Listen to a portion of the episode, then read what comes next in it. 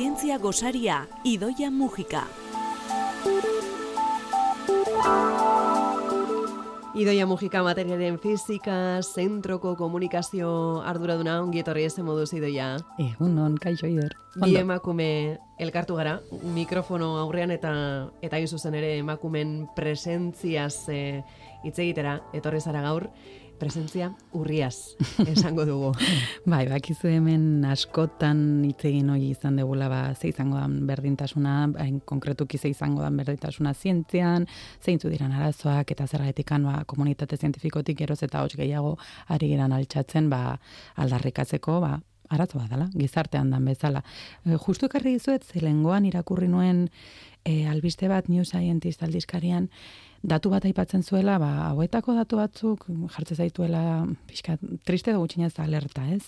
Esaten, duten, esaten zuten beraiek, algoritmo bat erabili dute, bos milioi, bos koma bos milioi artikulo zientifiko behiratu dituzte, aztertu egin dituzte, eta begiratu dute hor, aber zein, zein dan emakumeen presentzia. Eta algoritmo horrek bota duen zenbakia da, gauza dauden bezala, eta ikusten da joera jarraitzen badu, itxaron beharko genukela 2000 eunda berrogeita mezortzi urtera arte, hau da, egun da piko urte gehiago, e, egoteko estenadoki, estenadoki batean non emakumeen eta gizonezkoen presentzia fisikako arloetan parekatuta egongo litzateke. Ikaragarria. Bai, bai, niri bentsat pereza izugarria ematen dit. Em, sartze zego esateko ez, venga, ba, bale.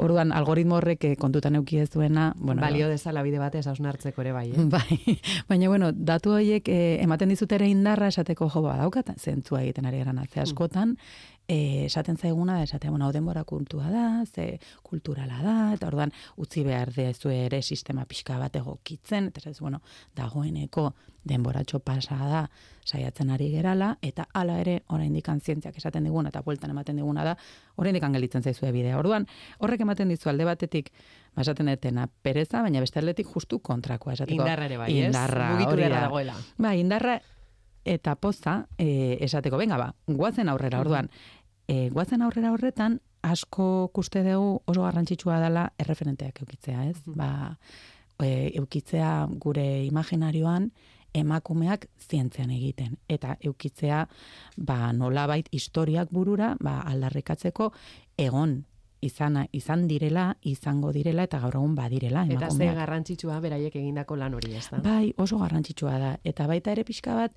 ba, sakonago nahi badegu, ba, ni atzera begiratzen detenean, eta gaur bezalako emakume bat ekartzen dugunean, Gertrude Bell, Trudy Bell deitzen zioten, oso ikerlari bikaina izan zen, bizitza apartakoa, e, ba, pertsona bat, ba, geniala, zentzuan, ba, bere bizitza guztia lanera dedikatu zana, ez, zientziara.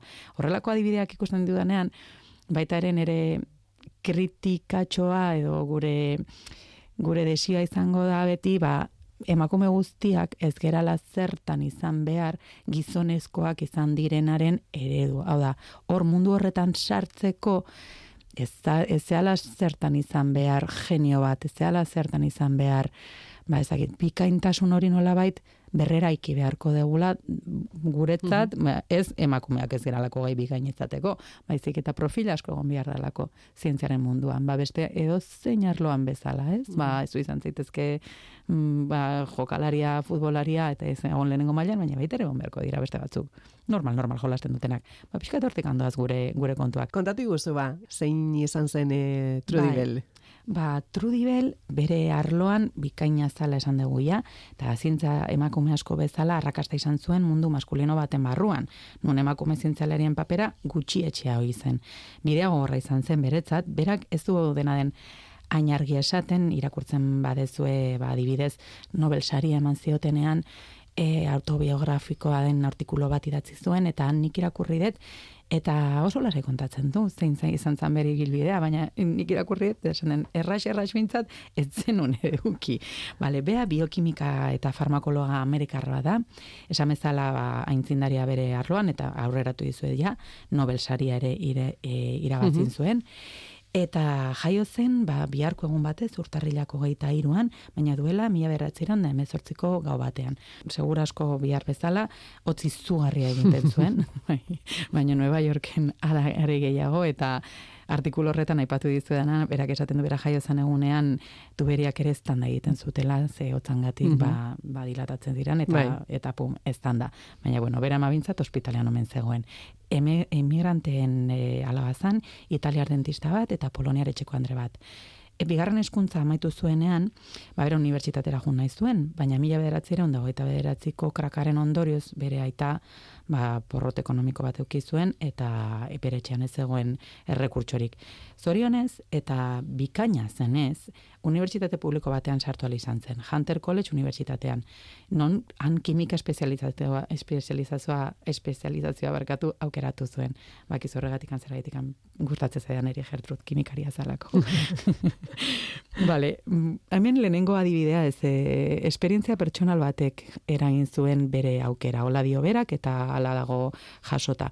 Aitona, leucemia jota hil zen, beak ama urte zituela eta oso harreman estua zeukan bere aitonarekin. Orduan, ba, bizipen horrek nolabait motibatu zuen zientzianen zientzian sartzeko eta gaixotasun mota horiei aurre egin eta konpondu ahal izateko.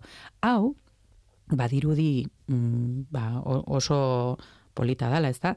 Baina eski ikuste badituzu estatistikak hau gertatzen da askotan emakumeekin. Zientzia karrera bat aukeratu behar dugunean, asko eta asko jotzen dute, ba, pixka bat berriz ere ari gera zaintza gauza hoiekin, jendeari lagundu, ba, bolondre, o- oso polita dala, baina argi daukagu horrik ez dauka zertaz izan behar emakume baten e, ez dakit, ardura edo kezka bakarrik, ez, baino Ez ala beharrez behintzat. Ez, baina karo, gero ikusten dituzu estadistikak eta hor daude. Mhm. Ikusten duzu biosanitaria arlora jotzen dutenak oraindik ere emakumeak dirala eta berriz ere esango dizu eta hasieran esan dizuedan datuak fisika bezalako arlo batera joten bazea asko ze teknikoa dala, ba hor zenbakiak, pf, osea, desagertu egiten gara emakumeak oraindikan gaur egun ere. Ba, bueno, hortzen puntualizazioa. Ze gero bai, bakoitza libre da aukerak hartzeko, baina kasualidadea, bueno, ba hortzen. Bueno, Hunter Collegen lizientziatu zen, mila beratzeren dago eta mazazpian, gaia goin mailako ikasketekin jarraitzeko, ba, unibertsitatera jo behar zuen berriz, masterrera, baina baliabiderik ez zuen, ikertzeko gugu bizia zuen, hori bai, eta e, al izan zuen nolabait doan lan egin eta gero astean hogei dolarreko soldatako ba, harrigarria benetan, ba, kimikari bat ja lizentziatua dana, ba, horrelako soldata Mhm. batekin, lanean hasi izan. E, lanean hasi izan, baina, karo, paraleloan, esan dizuet, ez daukala dirurik, orduan, paraleloan, dirua ematen zion lana ere egiten zuen. Orduan, berak, esan bezala, hau normaltasunez e, partekatzen du, baino, izugarria da. Ze azken finean, bi lan egiten zituen batera, eta ziur nago bi lanak ere maila oso altuan egiten zituen. Ari gara hitz egiten, ba, goizean zan irakasle, arratsaldetan jarritzun beste lan bat egiten, ba, beste laborategi batean, eta gero jarritzen zuen ikasketak gauez. Orduan, horrere, Haupai, bai. Bueno, ue, gauzakola mila behatziren dago eta meretzian e, master batean ja ofiziala hasi zuen, dala urrengo urratsa bezala, eta berrogeita batean e, masterra lortu zuen. Beste kuriosidade bat, berak, e, bueno, karrera zientifiko batean, e, aipatu bezala, ba, oren gradua deitzen diogu, gero masterra egiten da, da urrengo urratsa doktoretza izaten da. Ba, mm, Trudy Bell izango da pertsona bakarnetakoa, zein mm, kimikako Nobel sari badaukan, eta inoiz ezan doktoratu. Inoiz ez zuen lortu doktoretza egitea. Ba, hasieran nolabait tokatzen zitzaionean errekurtsorik ez zeukalako, eta emakumeentzat eta hori bai esaten du ez zeudelako lekuak, ez zeuden naiz eta ba, beraia frogatu izan gaizala, ba, oso oso oso leku gutxi zeuden emakumeentzako, eta bintzat beraria ez zitzaion egokitu. Eta pentsa bere bizitzaren bukaeran doktore izan gabe, Nobel saria jaso zuen, baina eske George Washington Unibertsitatean, Brown Unibertsitateak eta Michigan Unibertsitateak honoris causa hiru doktoretza eman zizkioten. Orduan, Ga, nire datu honek bintzat, harritu nau, ze ez dakit, bi, kontrastatuko dute, baina uste dut izango dela pertsona bakarretako. Bakarrenetarikoa. Bai, munduan, esateko zu doktorea izan gabe, unibertsitate, ba, unibertsitate batek aitortzen dizu doktor honoris causa izatea. Nahiko Bai, egin zuen, eta ze kemena, eh? Bai, bai, kemena izugarria, Mhm. izugarria. E, zeintzuk izan ziren, idoia, em, bere karpenak? Bitu, ba, bera ikerketa bakartian edo lankietzan e, bizikalitatea hobetzeko farmako ugarieneko espera e, irauli eta garatu egin zituen. Bera aurkiku zen artean adibidez e, azetate ditzen dira, iesa tratatzeko botikak, edo imuran botika nabarnetzen dira, baina berrogeita bost, baino gehiago patente dauzka. E, konkretuki azkeneko hau imunan giltzurruneko transplanteak erratzen dituen, eta gorputzari transplantatutako organoak onartzen laguntzen duen sendagaia da. Bueno, handiena izan zan, ba, laro eta zortziko fisiologia eta meitinkuntzako Nobel eman ziona. Hori, bere lankideekin George Hitchens, Hitchens eta James Blackekin batera jaso zuen eta beraien lana giza zelula normalak eta patogenoak, patogenoak dira gaixoketasunak eragiten dituzten zelulak. E, barkatu zelulak ez eragileak. Ba, giza zelula hoien eta patogeno hoien arteko desbertentasun biokimikoak aztertzea. Hartara, ba, asko erraixago diseinatu ditzatkezu farmakoak eta ba, nolabait lagundu dezakezu bere izten zein dan zure arerioa eta zein dan ba, zure laguna. Mm -hmm. Zeintzuk zinan gure zelulak eta zeintzuk zinan patogenoiek. Eta lan, biokimikaki garratutako lan guzti horrengatik Nobel saria jaso zuen. Hori zeba, e, gaur e, Trudi Bellen e, inguruko, ba, bueno, tira, biografia, ausnarketa, eta honeseke eman digun e, guztia idoia, e, zuek ere badukazue zera ipatua emakumezkoen inguruan, aste honetan. Bai, bai, ze izan ere, otxailaren amaikean, ospatuko dugu nazioarteko emakume eta neskatikoaren nazioarteko, zientzelariaren nazioarteko eguna. Eta horren inguruan urtero egiten dugu ja emakume emakumeak zientzean deitzen diogun programa oso bat, eta urten benetan mm, gora etorri gerala, ipatu dizu bezala, ari gara hitz egiten, ba, oi, tala berakunde baino gehi, elkartu gera, perrogeita mabi jarduera baino gehi izango ditugu, publiko guztientzat, hau da aurtengo leloa ere, zientzia badan esken kontua, baina hori guztion ardura izan behar da orduan.